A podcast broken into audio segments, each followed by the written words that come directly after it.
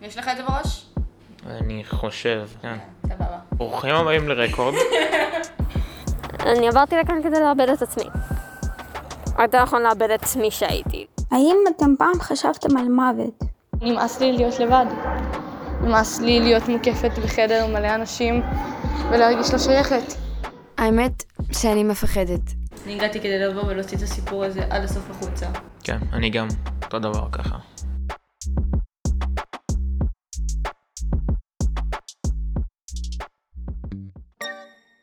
היי, אני איריס אלתר ליברמן, ואני אפרת מירון. וברוכים הבאים והבאות לפודקאסט החדש שלנו, רקורד. אוקיי.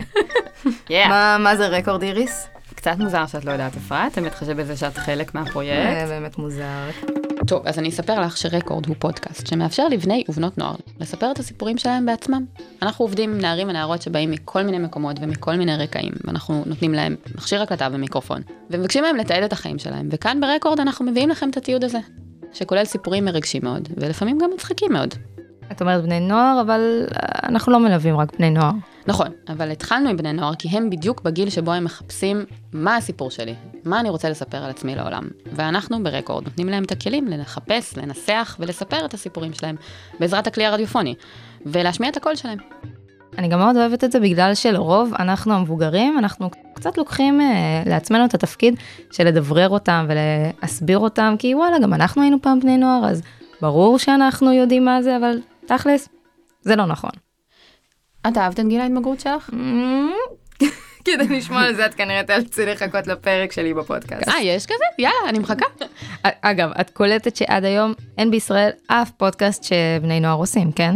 זה די משוגע. זה די משוגע. ואם חשבת שזה משוגע, אז עוד דבר שייחודי לרקורד זה שהתהליך הליווי וההקלטות של הנערים והנערות שלנו נמשכים שנה שלמה, לפעמים יותר. וואו, אמבישס. כן, ספרי לי על זה. אז רק עוד שאלה אחת לסיום. אה, למה רקורד? רקורד, כפל משמעות. זה גם הקלטה וגם תיעוד העבר, הרקורד שלי. אה, אה, אוקיי. אהבת, אהבת? אשכרה לא הבנתי את זה עד עכשיו. טוב, את רקורד הקימו את, איריס אלתר ליברמן, יחד עם טיו לנדאו ואנוכי. אפרת מירון, שרק עכשיו הבינה למה קוראים לרקורד רקורד. יאללה, האזנה נעימה.